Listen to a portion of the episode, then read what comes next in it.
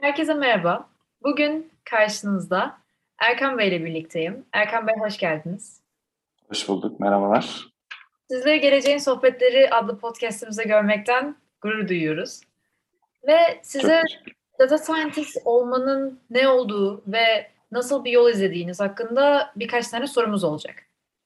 Hı hı. İlk başta bir data scientist olmak nasıl bir şey? Yani nasıl işlerle uğraşıyorsunuz? Bunu açıklayabilir misiniz? E, şöyle ki ben şu anda bir bankada çalışıyorum. Aslında banka içerisinde e, ben gibi çalışan yaklaşık 70'in üzerinde data scientist arkadaşım var. Ve hepimiz de e, daha uzman olduğumuz alanlarda farklı farklı işler yapıyoruz. Ama data science'i genel olarak tanımlamak gerekirse yaptığımız işler özelinde biz datadan bir anlam çıkartmaya çalışan ekipleriz. Tabii bunu yaparken de arka tarafta e, veri madenciliği algoritmaları dediğimiz akıllı algoritmaları kullanıyoruz. İşte istatistiki modellerden faydalanıyoruz ve günün sonunda e, anlamlı bir sonuç elde etmeye çalışıyoruz. Dünyaya ne kattığına inanıyorsunuz? Dünyaya çok şey katıyoruz. İnsanlar şu anda datadan çok korkuyorlar. Ben aksine çok seviyorum. Yani datadan korkuyorlar derken kastım şu. İşte e, siz Instagram kullanıyorsunuz, Instagram sizin tüm verilerinizle ulaşıyor veya bir ortamda arkadaşlarınla oturuyorken ayakkabıdan bahsediyorsun. iki dakika sonra Instagram açtığın zaman ayakkabı reklamları çıkmaya başlıyor falan filan. Yani böyle sürekli dönen bir sürü şey var. Diyorlar ki data tehlikeli olmaya başladı. Bir sürü data var dünyada gezen. Ama o kadar çok datayı bilgiye çevirebilmek önemli bir şey. Ve e, onu bilgiye çevirdiğiniz zaman, onu anlamlandırdığınız zaman aslında asıl faydayı o anda sağlıyorsunuz. Yani ben e, hiçbir zaman şeyden şikayetçi değilim. Yani benim datamı kullansınlar, iyi bir yerde kullanabileceklerse hiçbir sıkıntısı yok. Her türlü kullanabilirler. Ha tabii kötü yönlerde de kullanıldığı case'lerle karşılaşıyoruz ama iyiye kullanıldığı takdirde datayı kullanmanın hiçbir sakıncası yok senin verilerinden sana benzer kişileri tespit ederekten o kişilere de senin kullandığın önerileri önermek çok da kötü bir şey değil. Yani şöyle hatta bir hikaye vardır. Ee, yapılan alışveriş sonucu bir müşteriye bir öneri çıkılıyor ve bu öneri sonucunda e, müşteri ve ailesi şikayetçi oluyor. Sen bana nasıl bu öneriyi sunarsın diye. Ailesi, tamam bu market hikayesinde şöyle bir case var. Ee, bir kız ve ailesi düzenli olarak alışveriş yapıyorlar ve bir alışverişinde e, markette şöyle bir öneri çıkıyor. İşte kadına bir e, bebek bezi alma önerisi çıkıyor. Tabii ailesi de ailede hiçbir bebek olmadığı için gidiyorlar dava açıyorlar markete. Ee, ve işte sonrasında dava sonuçlanmasına yakın kadından tabii ki e, kontrol test yaptırmasını istiyorlar. Test yaptırdıkları zaman da bakıyorlar ki aslında kadın hamileymiş. Peki sistem bunu nasıl bilebiliyor? Aslında bundan önce birçok müşterinin, birçok hamile müşterinin yaptığı tepkileri veriyor. Nedir? İşte e, hamile olan bir müşteri atıyorum işte ne makarna alıyorsa makarnanın yanında salçalı bir sos oluyor. Tamamen sallıyorum. E, bütün hamile olanlar buna benzer özellikle, benzer pattern derecesi olanlar benzer pattern'da hareket ediyor. E, o kadın da benzer pattern'da hareket ettiği için diyor ki bunu alanlar genelde hamile bayanlar oluyor veya yeni çocuklu bayanlar oluyor. O zaman ben sana bunun yanında da bebek bezi öneririm diyor. Ve tabii ki sistemde otomatik olaraktan buradan yaptığı öğrenmeyle kadına bir bebek bezi önerisinde bulunuyor. Tabii aile bunu kabullenmediği için, kızının hamile olduğunu bilmediği için de e, şikayet ediyorlar veya işte savcılığa başvuruyorlar. Ne dersiniz? Günün sonunda tabii ki firma haklı çıkıyor. Çünkü firmanın arkasındaki sistem o kadar iyi tanımış ki müşterilerini o kadar güzel gruplamış ki çok güzel çıktılar sağlamış. Güzel bir örnek oldu bence. Peki mesleğinizi severek yaptığınız, yaparken eğlendiğiniz anılar var mı? Veya varsa da kısaca anlatabilir misiniz? Ya şöyle genel olarak zaten işimi yaparken hep eğlenerek yapmaya çalışıyorum. Daha doğrusu belki kişilikten de kaynaklıdır ama yaptığım her işi yaparken eğlenerek yapmaya çalışıyorum. Bunu tamamen e, sizlere ve dinleyen arkadaşlara da önerebilirim. Yani bu sadece data science olarak düşünmeyin. Ne yapıyorsanız bir yerde işte e, temizlik görevlisi olarak da çalışıyor olabilirsiniz veya işte çayda dağıtan bir biri olabilirsiniz veya data scientist olabilirsiniz veya farklı bir mühendislik biriminde de çalışıyor olabilirsiniz. O işi ne kadar sahiplenirseniz, ondan keyif almaya çalışırsanız o zaman o iş daha keyifli hale dönüşüyor.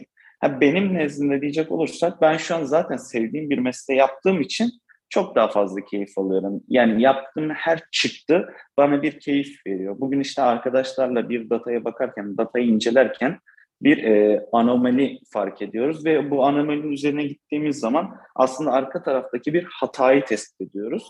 Bu hatayı tespit etmek tek seferde bakılıp yapılabilecek bir şey değil.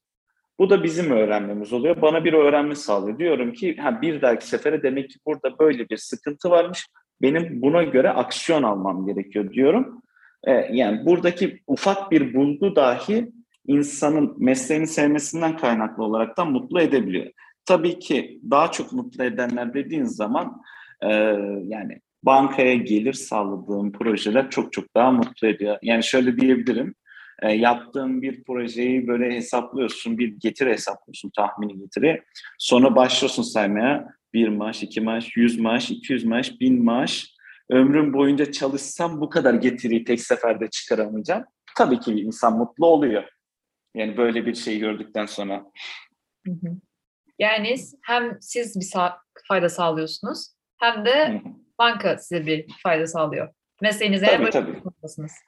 Aynen öyle. Aslında karşılıklı olarak ondaki e, karşılaştığım kezler bana da bir öğrenme sağlıyor. Ben de kendimce ona katkı, elimden gelen katkıyı vermeye çalışıyorum. Anladım. Peki bu mesleği yaparken böyle arada yeter artık, sıkıldım veya böyle bir bunalma anınız oluyor mu? Veya oluyorsa da yani neler yapıyorsunuz bu anlarda? Ya, henüz olmadı diyelim.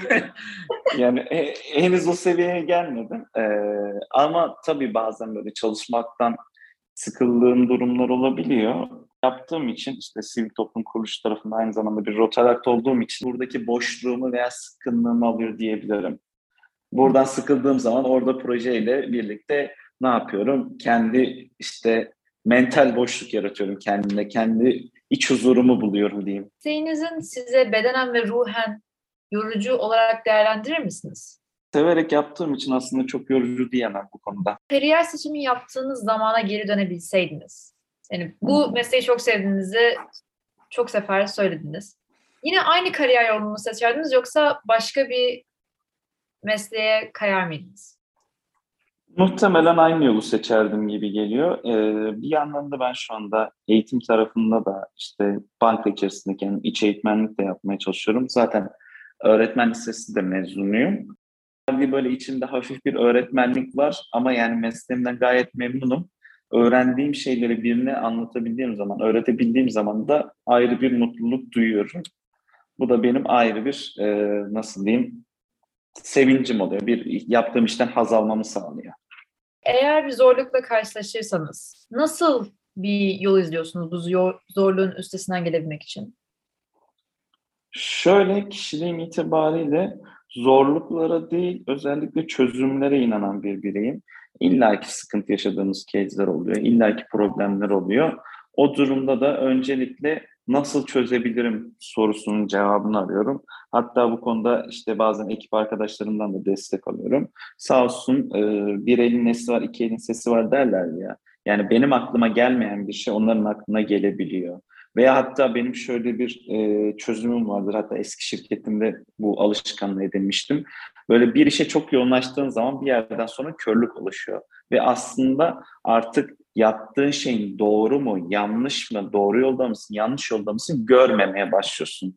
O durumlarda ben hep şunu yapardım. Aynı keza iş arkadaşım da tersini yapardı. Karşıma alırdım onu. Bak şimdi sana yaptığım işleri adım adım anlatacağım. Beni dinle derdim. Ve yaptığım işleri adım adım. Önce şunu yaptım, sonra bunu yaptım, sonra bunu yaptım derdim. Tam o esnada böyle kafanda bir ışık çekiyor tamam mı? Ha diyorsun tamam ben burada hata yapmışım. Aslında o hiç yorum yapmıyor. Sadece seni dinliyor. Ama karşındakine yaptığın işi anlattığın zaman eğer bir yerde kaçak varsa, hata varsa, kaçırdığın bir nokta varsa çok daha rahat bir şekilde tespit edebiliyorsun. Yani ben de karşılaştığım zorluklarda hem önce bir çözüm bulmaya çalışırım. Çözüm bulamıyorsam da mevcut durumu karşı tarafa aktarırım. Karşı tarafın zaten beni dinlediği zaman ona anlatırken de genel olarak çözüm bulmuşluğum çoktur. O zaman data scientistlerin aslında bir takım halinde çalıştığını da söyleyebilir miyiz? Gayet tabii, gayet tabii. Ya aslında zaten bu iş tek kişilik iş değil arkadaşlar. Tek kişilik yaptığınız zaman da yapılmaz değil. Yapılır ama takım olduğu zaman daha keyifli. Sizin görmediğinizi arkadaşınız görüyor. Arkadaşınızın görmediğini siz görüyorsunuz. Aslında birbirimizi tamamlayıcıyız. Ben hatta genel olarak bütün işlerde de bunu söyleyebilirim. Ama tabii şu anda mesleğim icabı burada çalıştım ve bu tarafı daha detaylı bildiğim için bizim alanımızda takım işi tamamen sizi tamamlayıcı bir etkendir diyebiliriz. Kariyerinizde yaşadığınız bir hata veya bir başarısızlık örneği var mı? Ve varsa da bundan ne öğrendiniz? Çok şey öğrendim. Önce uykusuzluğun kötü bir şey olduğunu öğrendim. Şöyle eski şirketimde çalışırken biz veriye ulaşmak için işte kullandığımız yöntem var, bağlantı yöntemleri var. O zaman da eski çalıştığım şirkette kaza ile 2,5 milyon kaydı sildim. Bayağı bildiğiniz 2,5 milyon satır sildim. 2,5 milyon firma verisi düşünün. Kendi şahsi lokal bilgisayarımı sildiğimi düşünmüştüm başlangıçta. Ama baktığım zaman ekrana bir baktım şöyle yok data. Yani gitmiş ve normal sistemdeki datayı silmişim. Açıkçası ilk an bir şöyle durdum. Ee, böyle bir düşündüm. Ne yaptım ben dedim. Ondan sonra ne yapabilirim kısmına geldim. İşte yine kendimce çalıştım. Ee, o zamanlar bizim bir makine üzerinden ilerliyordu. Dedim ki böyle bir makine olmaz ve teslim etmemiz gereken de bir iş var birkaç gün sonra. O esnada arkadaşlar 7 tane farklı makinede aynı anda yaptığım işi çalıştırdım. Ve açıkçası gece 3'te uyanıp bakıyordum bilgisayarlar arasında patlayan bir şey var mı diye. Bilgisayarlar arasında patlayan var mı yok mu var mı yok mu baka baka baka 5 gün içerisinde tekrardan o 2,5 milyon veriyi getirdim. Ama yani o bana çok büyük öğrenme oldu. o yüzden bir şeyi silerken çok dikkat ederim. Keza bir şeyde e, özellikle yaptığım çalışmalarda olabildiğince sık sık kaydetmeye çalışırım çalıştığım dosyaları. Çünkü yani sonuçta hepimiz elektronik cihazlar kullanıyoruz ve ne olacağı belli değil. Şu an biz sizlerle konuşuyoruz ama bir anda elektrik gittiği zaman veya internet gittiği zaman yarıda kaldık. Anladın mı? Ee, keza bilgisayarlarda da öyle. Bilgisayarın anakartı bir anda yanabilir veya diskle ilgili bir hata alabilirsiniz. Eğer kaydetmezsen hiçbir şekilde kurtarımın olmayacak. Kesinlikle. Teknolojinin kötü yanlarından bir tanesi maalesef. Maalesef. Kaydetmeyince her şey gidiyor. Önceki işim demiştiniz. O zaman siz kaç yıldır çalışıyorsunuz? Ben toplamda 7 yıldır çalışıyorum. Ee, öncesinde danışmanlık sektöründe çalışıyordum. Sonrasında danışmanlık sektöründe yaklaşık 3,5 yıl çalıştıktan sonra bankacılığa geçtim. Yani danışmanlık sektöründe de işte e, orada yaptığımız işte aslında bunun masanın öbür tarafında oturmakta. Ne demek istiyorum? Orada işte orada da bankalara, sigorta firmalarına, insan kaynakları firmalarına, havayolu firmaları gibi çeşitli sektörlerdeki firmalara danışmanlık hizmeti veriyorduk. Yaptığım işin öbür tarafıydı. Daha farklı sektörleri görüyordum. Sonrasında bir sektörde biraz daha uzmanlaşmak istediğim zaman da masanın öbür tarafına geçip bu tarafa geldim. Şu anda da müşteri konumundayım. Danışmanlar bize geliyor. Yani dediğinize göre çok aslında yani deneyim kazanmışsınız bu yıllar içerisinde. Peki mesleğinizi uzmanlaşmanız için size okulda öğretilen bilgiler yetti mi yoksa kendinizi geliştirmeniz şart mıydı? Kesinlikle kendinizi geliştirmeniz gerekiyor arkadaşlar. Yani bunu net olarak söyleyebilirim. Okulda size evet bir temel veriyorlar. Okulda öğrendiğiniz bilgileri de belli başlı yerlerde kullanabiliyorsunuz. Özellikle kendi nezdimde konuşacak olursam bilgisayar mühendisliğinde bir sürü şey öğrendim. Algoritma nedir? Algoritma nasıl yaratılır? Böyle şeyleri öğrendim. Fakat reel hayata döndüğünüz zaman, iş hayatına döndüğünüz zaman mevzu biraz daha kompleksleşiyor. Yani e, iş hayatında karşılaştığınız problemler, okullarda sizin gördüğünüz problemler kadar basit olmuyor. Ben mesela ilk iş hayatına başladığım zaman şimdi bizim kullandığımız bir dil var ve işte tablolardan veriyi çektiğimizde SQL diye MS SQL kullanıyoruz biz. Veri tabanı yönetim sistemi olaraktan da. Ee, okulda bunun eğitimini aldım. Dersini bayağı yüksek bir puanla geçtim. Her şey güzel. Ama iş hayatımın ilk gününde oturdum bilgisayar başına ve bana dediler ki hadi bakalım şunu getir dediler. Ben sadece ekrana bakabildim. Çünkü işte okuldaki gördüğüm tablolarla, okulda benim gördüğüm tablolar belli. İşte school, student, notes, işte lesson bu tip böyle basit basit tablolar görüyorsunuz. Ama iş hayatına gittiğiniz zaman işte mesela bankacılıktan örnek, örnek vermek gerekirse Müşteri tablosu ayrı, telefon tablosu, adres tablosu, e-mail tablosu, müşteri detayları tablosu. İşte e, bunun haricinde kredi kartı varsa kredi kartı hareket tablosu, işlem tablosu. Bunlar sadece en temellerinden bahsediyorum. Bunun daha dallanıp dallanıp dallanıp binlerce tablo olduğunu düşünün. O yüzden okulda öğrendikleriniz hiçbir zaman yeterli olmayacak. Asıl işi birazcık da işte öğreneceksiniz. Bu deneyimleme yani işte öğrendiğiniz şeyler dışında kendinizi nasıl geliştirdiniz? Ee, şöyle orada da mesleğimiz gereği zaten çok fazla yani ben kendisini Hazreti Google diye çağırıyorum. Bilmediğiniz her şeyi Google'a sorun. Muhabbet yapacağım biraz ama e, Google'da her şeyin cevabı var. Bir şeyde sıkıştığınız zaman, bir hata aldığınız zaman, bir problemle karşılaştığınız zaman genellikle başlangıçta Google'a sorarım. Onun haricinde kendimi geliştirmek konusunda da çeşitli takip ettiğim işte uygulamalar var. Medium mesela bunlardan birisi. Medium ortamında zaten bizim alanımızla ilgili birçok doküman mevcut. Neyi merak ediyorsan onunla ilgili arama kısmına yazdığın anda senin o konuyla ilgili yazılmış bir sürü dokümana rastlayabiliyorsun. Onun haricinde YouTube'daki videolar var. Yani bunlar e, YouTube mesela. Ücretsiz arkadaşlar. Aslında bilgiye ücretsiz bir şekilde, rahat bir şekilde ulaşabiliyorsunuz. Kendiniz işte SQL tarafında kod yazmak, sorgu yazmak istiyorsunuz. E, Double Tree School var. Oradan giriyorsun aslında tamamen hiçbir ücret ödemeden adam senin için örnekler koymuş. O örnekler üzerinden ilerle ilerle bir şeyler öğrenebiliyorsun. Aslında yani internet üzerinden bir sürü şeye ücretsiz bir şekilde ulaşabiliyoruz. Ücretli dediğim kısımda da mesela Medium'da bir noktadan sonra dokümanlar ücretli oluyor. Buradan e, bir sürü dokümana, içeriye ulaşabiliyorsunuz. Onun haricinde daha birçok e, akademik doküman vesaire var ve bu arada bizim alanımız özellikle açıkçası öğrenim konusunda bir süreç arkadaşlar. Sürekli olarak bir şey öğreniyoruz. Ya ben daha bugün söyleyeyim size. Evet bir proje yapmayı düşünüyoruz. Bu proje kapsamında bir şeyler yapmak istiyoruz. O işi de biliyorum. Ama yine de ne yapıyorum? İnternetten işte akademik insanlar ne yapmış? Başka firmalar ne yapmış? Başka yurt dışında bu işlemi yapan adamlar neler nelerle uğraşmışlar gibi araştırmalar yapıyorum ki oradan da kendi bilgimin üstüne sürekli bir katmaya çalışıyorum.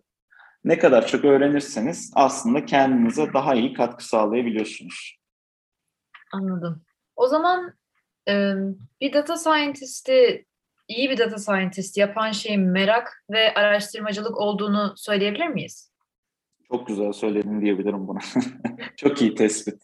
Yani merak, araştırmacılık, biraz okumak, biraz yaptığın işten pes etmemek. Ee, ve şunu da söyleyeyim. Mesela bizim yaptığımız için büyük bir çoğunluğu verinin hazırlanması kısmı. Ya sonrasında veriyi bir şekilde modelleyip modellemin sonuçlarını, çıktılarını analiz edebiliyorsunuz ama veriyi hazırlama kısmı cidden e, büyük emek ve gayret göstermek gerekiyor. O noktaları da özellikle öğrenmek için sürekli olarak okuma, geliştirme, algoritma deneyimleri vesaire gerekiyor. Bir de data scientistlik böyle çok gününüz içerisinde yer kaplayan bir şey mi peki? Mesleğim olarak mı diyorsun yani günüm içerisinde yer kaplayan derken? Evet. Mesai normalde 9-6 onu söyleyebilirim. Ama hiçbir zaman tabii 9-6 olmuyor yani. Hiçbir zaman derken e, yaptığınız işi severek yaptığınız zaman e, mesainin bitişi veya başlangıcı sizi çok ilgilendirmiyor. O işi ne zaman yapmak istiyorsan o zaman yapıyorsun. Ben mesela e, kendi nezdimde söyleyeyim. Hafta sonu ofise gelip çalışmayı çok seviyorum. Çünkü hafta sonu kimse olmuyor. O kadar sakin ve sessiz oluyor ki yani ve kimse de sizi rahatsız etmiyor. O zaman böyle çok sakin, sessiz, rahat bir şekilde istediğin gibi çalışmanı yapabiliyorsun.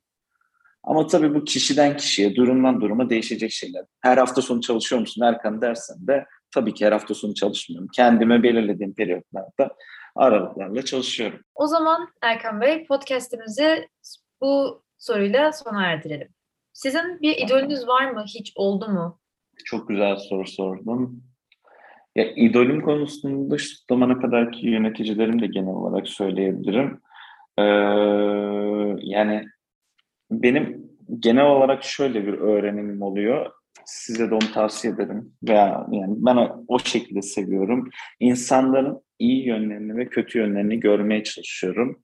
İşte şu anda seninle yaptığımız podcast'te bile işte iyi yanlarını, kötü yanlarını bir şekilde ayrıştırıp iyi yanlarını kendime almaya, kötü yanlarından da uzaklaşmaya çalışıyorum. O yüzden tam olarak bir idolüm yok, birden çok idolüm var diyebilirim. Çünkü her insanın becerisi aynı olmuyor. E sen bir alanda gelişmiş oluyorsun, ben bir alanda gelişmiş oluyorum. İşte ikimizin sağ zekası daha yüksek oluyor, kimimizin IQ'su daha yüksek oluyor. Oradan onu alabildiğimi alıyorum. Öbür taraftan onun yüksek olan değerlerini alıyorum mükemmel bir dünya değil ama kendimce mükemmeli bulmaya çalışıyorum diyebilirim. Son bir sorum daha var. Peki biz lise öğrencilerinden data scientist olmak isteyen ve bu podcast'i dinleyenlere söylemek istedikleriniz, önerileriniz, nasihatlarınız var mı? İstediğiniz mesleği seçin. Özellikle data ile ilgileniyorsanız, işte demin bahsettiğim örnekler size çekici geliyorsa ki internette bu benim söylediğim size en genel örneklisiydi. Ee, binlerce bu tip case'lere, iş olaylarına rastlayabilirsiniz. Eğer bunlar sizin ilginizi çekiyorsa, işte e, biz mesela sıfırdan algoritma da yaratıyoruz. Yarattığımız algoritmaları canlıya da alıyoruz. Böyle şeyler sizi cezbediyorsa ve araştırmayı da seviyorsanız açıkçası bu işler araştırmadan ve okumadan olmuyor. Bunu da seviyorsanız kesinlikle tavsiye edebileceğim bir alandır. Dediğim gibi yani yıllardır belki de şans eseri oldu ama küçüklüğümden beri işte bilgisayar mühendisi olacağım, bilgisayar mühendisi olacağım hedefiyle gittim. Evet bilgisayar mühendisliğini okudum. Bilgisayar mühendisliği okuduktan sonra üçüncü senede kim bilir benim bazı arkadaşlarım yazılımcı oldu. Bazı arkadaşlarım donanım tarafında çalışıyor. Telekomünikasyonda çalışan var. İşte network tarafında. Ben datayı seçtim. Data tarafında ilerledim. Farklı farklı şey seçiyorsunuz. Ama yaptığınız işi sevin. Yani ne olursa olsun sevin. Sevmeye de gayret gösterin. Evet. Zaten sevilmeyen iş genellikle e, çok zor geliyor insana. O da çok Kesin, sıkıntılı. kesin, kesinlikle katılıyorum. Umarız 20 yıl, 30 yıl sonra e, mesleğinizin sonuna yaklaştığınızda da bu kadar çok seversiniz mesleğinizi. Ben çok motive oldum açıkçası. yani bilgisayarları çok anlamayan birisi olarak bile çok ilgimi çekti yani data scientist'le. Ya seveceğinizi düşünüyorum ya. Yani severim herhalde. Ben de severim diye düşünüyorum ya. Herhalde hala sıkılmam. Bu sefer o zamanlara kadar yeni örnekler çıkar diye tahmin ediyorum. Ya zaten şu anda sistemler otonom sistemler çıktı, akıllı çıktı. E şu anda işte e, ben mesela iPhone kullanıyorum. Telefonumda Siri gibi bir nimet var. Ve ben telefonumdaki Siri o kadar aktif kullanıyorum ki e, Siri annem ara, Siri babam ara, Siri şunu yap, Siri bunu yap. Aslında arka tarafta tam olarak yüzde yüz olmasa da çalışan bir zeka var. E bunun daha da zekileştiğini düşünün. Ve data science'ler bunun temellerini atıyor açıkçası. Daha da güzellerinin geleceğini düşünüyorum. O zaman Erkan Bey podcastimize katıldığınız için çok teşekkür ederiz. Ben çok teşekkür ederim. Bugün sizlerle konuşmak hem motive edici hem de güzeldi. O zaman arkadaşlar bugünkü bölümümüzü dinlediğiniz için teşekkür ederiz. Bir sonraki bölümde görüşmek üzere. Hoşçakalın.